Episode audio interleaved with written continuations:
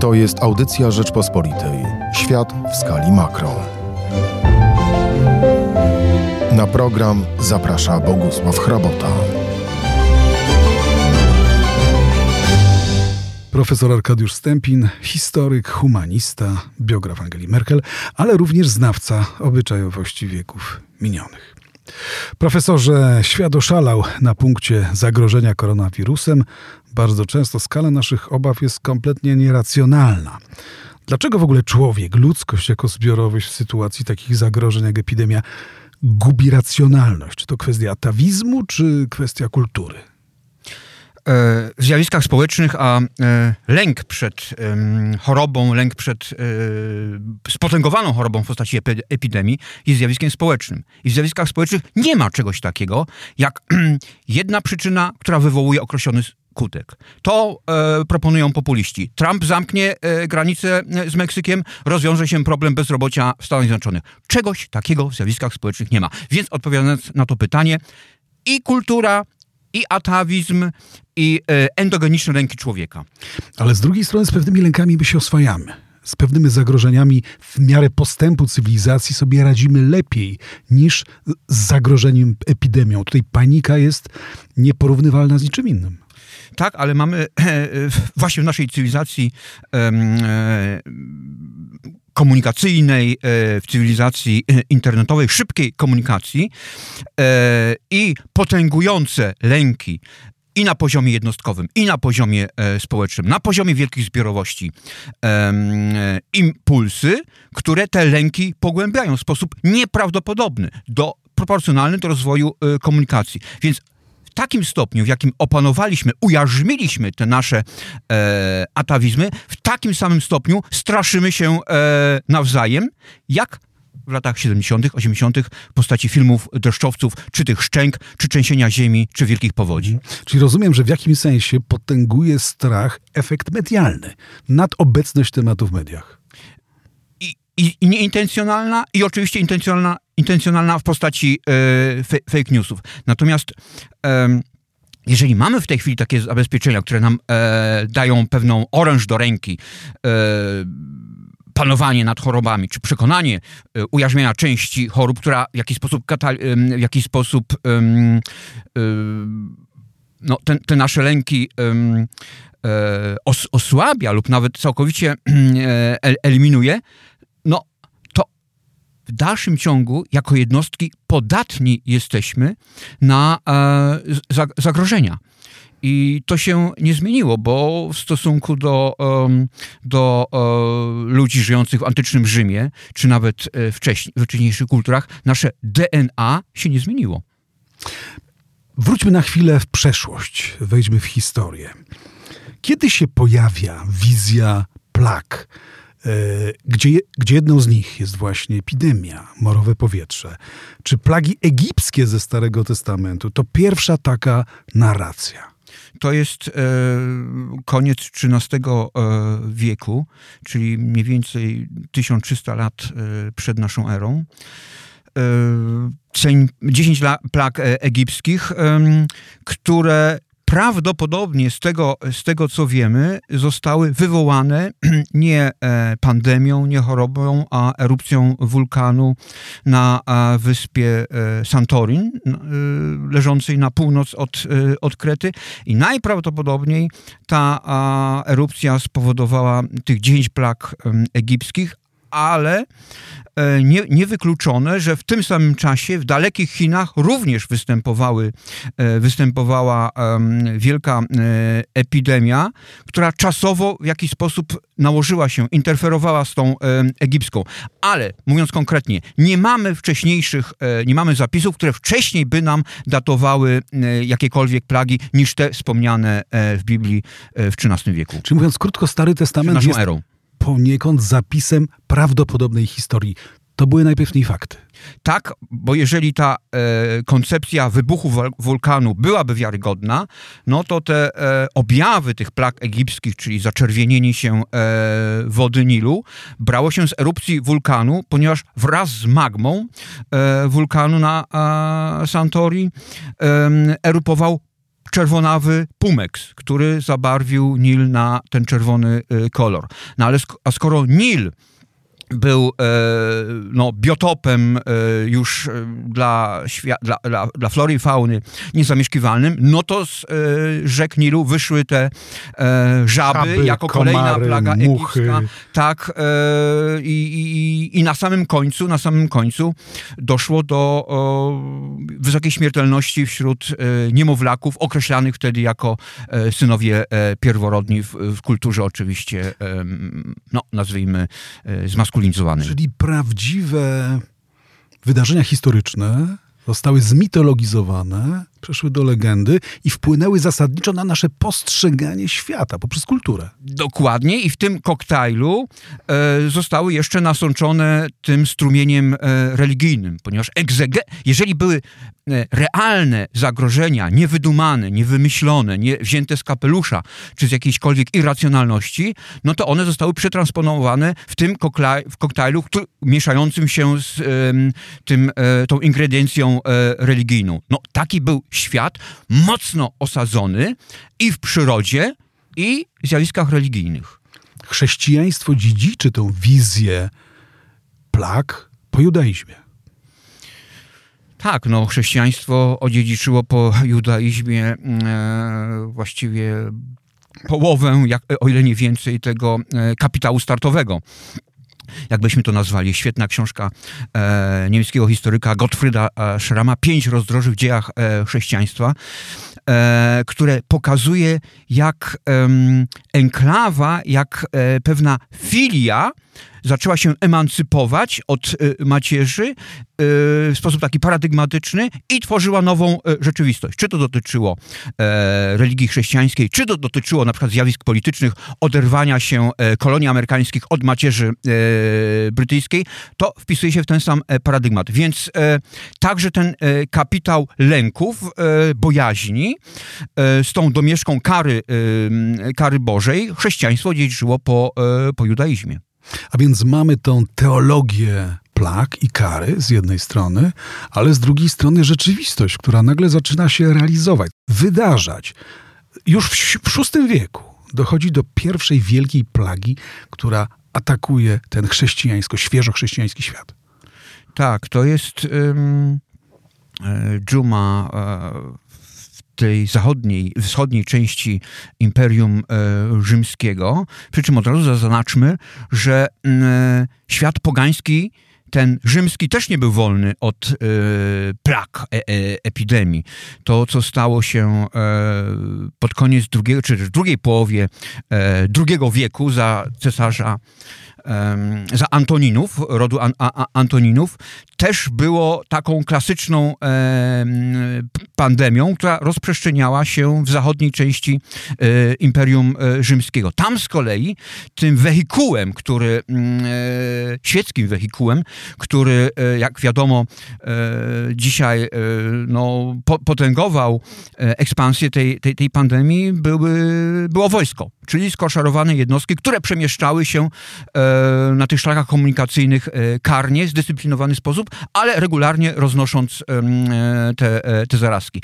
Natomiast ta sukcesja rzeczywiście teologiczna objawiła się w jakiś sposób w tym chrześcijańskim imperium Justyniana w VI wieku, no to była, to była pierwsza ta wielka fala europejskiej później dżumy, która no, z, tego, z tego, co wiemy y, i, i szacunkowo sobie resztę dokomponujemy, no, wy, wykosiła a jedną trzecią y, no, największej metropolii świata, jaką był wtedy y, Konstantynopol. Ale nie tylko Konstantynopol. Przypomnijmy, że chodzi o daty 541, 542 wiek naszej ery. rok po Chrystusie, Bizancjum, które wskutek tej jednej choroby, tego jednej, jednej fali epidemii traci do 40% mieszkańców. Niektórzy twierdzą, że ta dżuma i następujące po niej fale zabrały Europie wtedy już 100 milionów ludzi. No to są, to są dane szacunkowe, bo e, nie mamy e, wiarygodnych informacji źródłowych. E, nigdy nie mieliśmy. Natomiast skala historyków medycyny, którzy się do, dopatrują tutaj tej na, największej w czasach, pierwszej w czasach średniowiecza wielkiej, wiel, wielkiej epidemii, jest z pewnością przesadzona. Ale spowodowała różne zjawiska społeczne, migracje, które miały wielkie znaczenie z perspektywy choćby Słowian, bo bo ta migracja Słowian na południe z terenów nadwiślańskich między Odrą a Wisłą na południe skutkiem czego powstały państwa takie jak Serbia, Chorwacja, Słowenia e, czy, czy, czy Macedonia, Czarnogóra. To była właśnie migracja na tereny, gdzie wymarła populacja. To była pokojowa migracja na południe Europy i tak Słowianie dotarli na Bałkany. Inna taka sytuacja, którą obserwowałem w Syrii, to e, tak zwane 300 martwych miast. Najbardziej znanym z nich jest Sergilla, to są miasta niedaleko mm, Aleppo, e, które do dzisiaj istnieją właściwie w takiej kondycji, jak zostały opuszczone w VI wieku. To też był efekt wielkiego pomoru. Wymarła populacja tych miast no to by mogło nas uspokajać przed, e, e, w jakiś sposób przed e, współczesnymi zagrożeniami, może nie epidemiologicznymi, ale na przykład ruchem migracyjnym z Afryki. Tam z kolei tym motywem do opuszczenia Afryki jest nie tylko nędza, ale także brak wody. I ten brak wody był konstytutywny także dla tych wcześniejszych historycznych zaraz. No, także w tych czasach Justyna, Justyniana, brak wody, czyli te wielkie efekty e, epidemii, o których pan, pan, pan mówił, e, w skali makro, były odczuwalne także w skali mikro, że te ruchy migracyjne odbywały się nie tylko na tych wielkich przestrzeniach, wielkich płaciach, ale też e, stanowiły zakłócenia e, lokalnej architektury. One wprowadzały niepokój w tą tektonikę niepokojów, e, zjawiska na szczeblu lokalnym. Właśnie brak, brak wody, no bo brak, brak wody był tą, tą przyczyną czy też woda była przyczyną zarażania się, picie, e, wskazywano na e, studnie, także w późniejszych okresach, w późniejszych e, e nawałnicach tych, e, tych chorób w średniowieczu, na zatruwanie studni jako pierwotną przyczynę e, zarazy. Ale zarazem takie wydarzenia jak dżuma Justyniana w VI wieku są interpretowane przez współczesnych jako kara boska za grzechy. Coś w sumie naturalnego. Tu jest związek teologii, mitu z rzeczywistością. No te pojęcia do, dobra i zła, one się uaktywniają e, w momentach e, wielkiego zagrożenia, w momentach e, przełomowych i w czasie na przykład tej pogańskiej zarazy, która była prawdopodobnie ospą w okresie II wieku naszej ery w Imperium Rzymskim, winiono, obwiniano więźniów więźniów, y, więc zawsze była jakaś, zawsze musiał być jakiś ten kozioł, y, kozioł y, ofiarny. No w czasach e, chrześcijańskich oczywiście odpowiedź była prosta. No to musieli być ci, którzy e, byli naszymi wrogami, największymi, którzy odrzucili prawdę objawioną, e, wzgardzili Chrystusem, czyli to byli Żydzi. Dżuma Justyniana powtarza się kilka razy, to jest kilka epizodów, do mniej więcej połowy VIII wieku. Potem Europa jest tak zdepopulizowana, że tego typu zarazy się już przez jakiś czas nie pojawiają. I nagle w XIV wieku, w połowie XIV wieku dociera do Europy kolejna wielka zaraza. Czarna śmierć, tak ją e, określili e, późniejsi e, historycy. czarna śmierć. E, wyszła z Chin. Wyszła, wyszła z Chin, tak, ale dotarła, dotarła poprzez Krym do mm, Europy i praktycznie e, szalała. E, w tej Europie byśmy ją nazwali Europę reńską, e, czyli zachodnią. I oczywiście basen Morza e, Śródziemnego, no ale w tym momencie basen Morza Śródziemnego jest tą e, no, pulsującą e, tkanką tej, tej Europy Zachodniej. Mam tu na myśli oczywiście polską enklawę, czy też ziemię Europy Środkowo-Wschodniej, które nie zostały objęte tą dżumą, co wskazywałoby na to, że... No właśnie, to ten pierwszy przypadek w historii, kiedy Polska jest zieloną wyspą. Tak, tak, absolutnie fenomenalny ale musi być wytłumaczone w sposób e, racjonalny. To wskazywałoby na to, że e, Polska w tym XIV wieku nie, nie była w tym silnym krwiobiegu mm, ogólnoeuropejskim. No, wtedy ten główny krwiobieg europejski był napędzany e, szczególnie podróżami studentów do Europy Zachodniej, pielgrzymkami, no i oczywiście wojnami. Ale w tym kotle XIV-wiecznym e, Polska e, w takim razie nie uczestniczyła, przynajmniej nie na taką skalę, by e, no, zakrzewiła się tutaj i zadomowiła czarna śmierć. A czarna śmierć była horrendalna, ponieważ dotknęła ona, tak jak mówię, no, te najbardziej, najbardziej um, um, olimpijskie miejsca topograficznie e, Europy Zachodniej. Avignon. Mamy przekazy, że e, jedna trzecia kolegium kardynalskiego, które wtedy rezydowało nie w Rzymie, tylko na południu Francji, w Prowansji, w Avignonie, padła a, zrażona a, chorobą. Hiszpania, Barcelona jest taki opis E, czarnej Śmierci w książce Katedra w Barcelonie, który jest bardzo dramatyczny. On pokazuje, że właściwie połowa populacji miasta wymiera to była nieprawdopodobna skala zniszczeń demograficznych. Mówi się, że to było 30 do 60% populacji Europy. A pamiętajmy, że na wschodzie Europy ona właściwie się nie pojawiła. Czyli na zachodzie było to niekiedy do 80% mieszkańców wsi, miast i miasteczek. Tak, na poziomie tym lokalnym mamy informację, że były problemy ze znalezieniem e, pochówków dla, dla tych nieszczęśników. E, wrzucano e, nagie ciała do, do, do E, oczywiście wyjaśnienia także szukano, e, dopatrywano się w teologii. E, oskarżano właśnie wtedy Żydów o zatruwanie studni.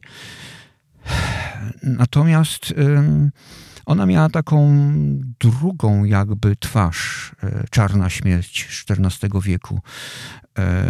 Zastosowano wtedy kwarantannę wymyśloną znacznie wcześniej jako remedium, antidotum na, na tę plagę.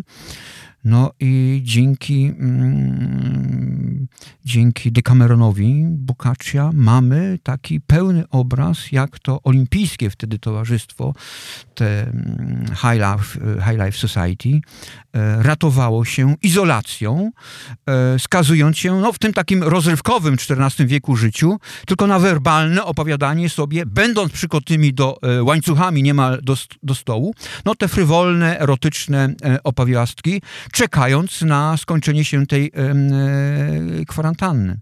Co sprzyjało epidemiom e, w średniowiecznej Europie? Pamiętajmy, że czarna śmierć powtarzała się wielokrotnie przez kolejne stulecia, właściwie do XIX wieku. No, środki higieny były e, dramatyczne. E, niespółczesne, nie, nie znano przecież e, e, ani antybiotyków, nie znano właściwie poza puszczaniem krwi w średniowieczu. Nie, nie znano nawet tych umiejętności radzenia sobie z chorobą, jakie wynaleziono w czasach antycznych. Jakkolwiek w czasach antycznych, także podczas tej, tej epidemii okresu Antoninów, wystawiano na przykład chorych e, na zewnątrz, przed domy. E, no co z naszego punktu widzenia jest absurdalne, bo tylko sprzyjało zarażeniom, a ci e, wystawieni mm, przed domy mieli być taką um, i żółtą kartką ostrzegawczą dla innych, ale też być taką formą kontaktu z przygodnymi ludźmi, którzy potykając się w podróżach o nich, dawa, mieli im dawać dobre rady. No więc nie przesadzajmy też z tą wiedzą antyczną, w okresie y, antyczną, medyczną, która zagubiła się w średniowieczu, bo nie radzono sobie z takimi mm, wyzwaniami zarówno w antyku, ani, ani w średniowieczu. Właściwie do czasów współczesnych nie rozumiano, co to znaczy przygotować wodę. Wodą czystą była woda niezabrudzona, czyli niemętna. Pito wodę i chorowano. Ktoś zauważył, że po wypiciu piwa się nie choruje. Uznano, że to jest lekarstwo. Podobnie było zresztą w Chinach z herbatą. Picie surowej wody powodowało choroby. Picie zaparzonego ziela herbacianego powodowało zdrowie. Stąd legenda o tym, że herbata jest lecznicza. Ale tak naprawdę chodziło o przygotowaną wodę. Tak, e, ten element e, ognia, element ciepła, element e, gorąca znano w medycynie mm, tej, tej historycznej. No wystarczy tylko przy, przywołać e, fakt, że, w okre, że kiedy amputowano w czasach antycznych czy w okresie średniowiecza e, nogę, no to potem na tym ranę przykładano rozgrzane żelastwo, które miało zatamować, zatamować e, krew, zatamować upływ, upływ krwi.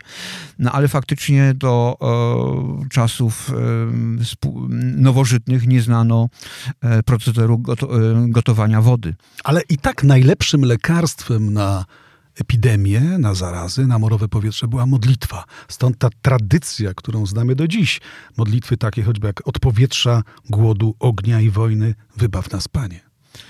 E, dokładnie e, to uteologizowanie e, chorób, pomoru i w ogóle zjawisk niewytłumaczalnych, a przecież o, o, mówimy o okresie, który praktycznie do XIX wieku, i to powinniśmy sobie wbić w głowę, jest poza enklawami, jakby taką linią prostą, do której zdobycze cywilizacji nie mają dostępu, bo jeżeli my mówimy o osiągnięciach e, odrodzenia, oświecenia i innych e, zdobyczach cywilizacyjnych, to mówimy o małej enklawie społeczeństwa, a gro ludzi 80% także w Polsce, na ziemiach polskich, do XIX wieku żyje praktycznie tak, jak za e, króla Ćwieczka w okresie średniowiecza. Tam się ani nie zmienia, nie, nie, nie pojawia ani E, edukacja, społeczeństwo jest analfabetyzowane, no więc społeczeństwo zanalfabetyzowane musi szukać e, ratunku i e, ucieczki e, w świecie religii, bo to jest jedyna rękojma, jaką, e, jaką posiada. Więc e, praktycznie do XIX wieku mamy ten sam paradygmat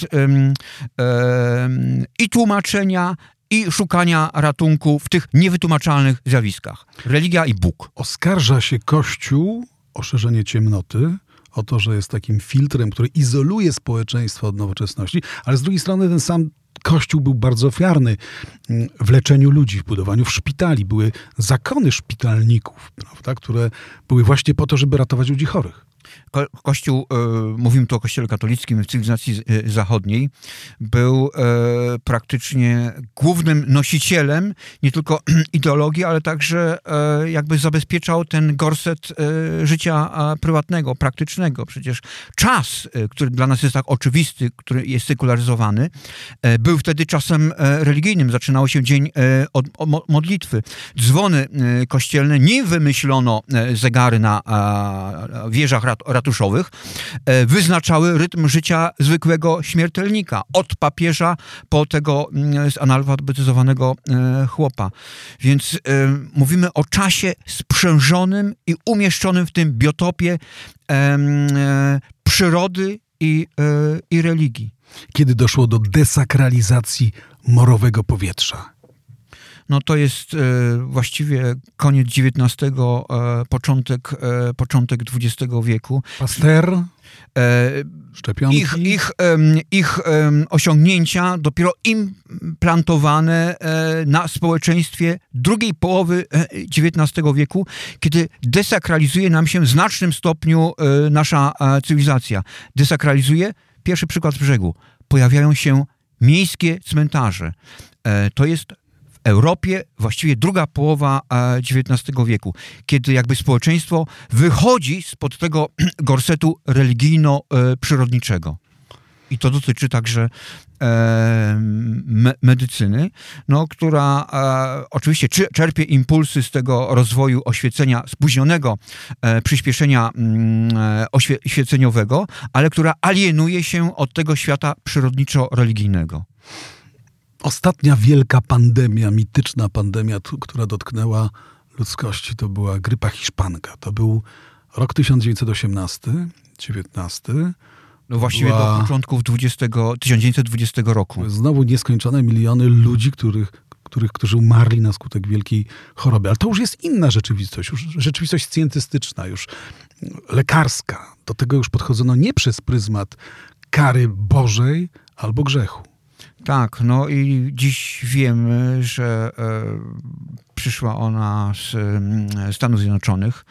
Dzięki e, eksportowi e, politycznie zbawczemu i włączeniu żołnierzy amerykańskich, włączeniu się Stanów Zjednoczonych do I wojny światowej, no ale poprzez te oddziały wojskowe, które maszerowały przez Europę, doszło do tej masowej zarazy i i wiemy dzisiaj, bo to jest uchwytne dla nas już bardzo e, historyczne, mamy do tego źródła, choroba, a ta hiszpanka no, wykosiła większą część populacji niż ta, ten dramat, który rozgrywał się na frontach I wojny światowej. No, wiemy też, że opanowała duże miasta, jak na przykład ucywilizowane, być może e, najbardziej ucywilizowane wtedy miasto Europy, jakim był Wiedeń i w jakiś pośredni sposób doprowadziła do upadku, do upadku e, secesji wiedeńskiej bo jej najwięksi y, austriaccy przedstawiciele no zmarli właśnie na skutek e, właśnie Hiszpanki. Wtedy, właśnie wtedy. E, proszę mi powiedzieć, czy świat kiedykolwiek oderwie się od strachu przed plagami? Czy wierzy pan, że przyszłość technologiczna wyzwoli nas z tego atawizmu, z tych emocji, które towarzyszyły nam przez tysiąclecia naszej ewolucji? No, ten gorset, gorset e, przyszłości e, atawistycznej jest e, na najbliższe dekady, przynajmniej tak jak możemy je horyzontalnie ująć, niemożliwe do, do zrzucenia. Więc na poziomie jednostkowym z pewnością nie, nie wyzbędziemy się tych lęków, a mając do dyspozycji i zbawczą, zbawczy aparat komunikacyjny, no to widzimy, jak on może działać na nas e, rykoszetem. Wybór prezydenta Trumpa i Brexit są tego e, indykatorami. A może po prostu strach jest w naturze człowieczeństwa? Może to czyni nas ludźmi? To, jest to byłoby też wytłumaczenie religijne, ale tak jak przewija się przez nas przez nas, przez całą tą rozmowę, ten, ten, ten wątek religijno-teologiczny, no, jesteśmy istotami podatnymi na e, bodźce teologiczno-religijne. Czyli póki istniejemy, strach przed pandemią, przed epidemią, przed chorobami, przed zarazą, przed innymi plagami będzie nam towarzyszył. Będziemy się bać.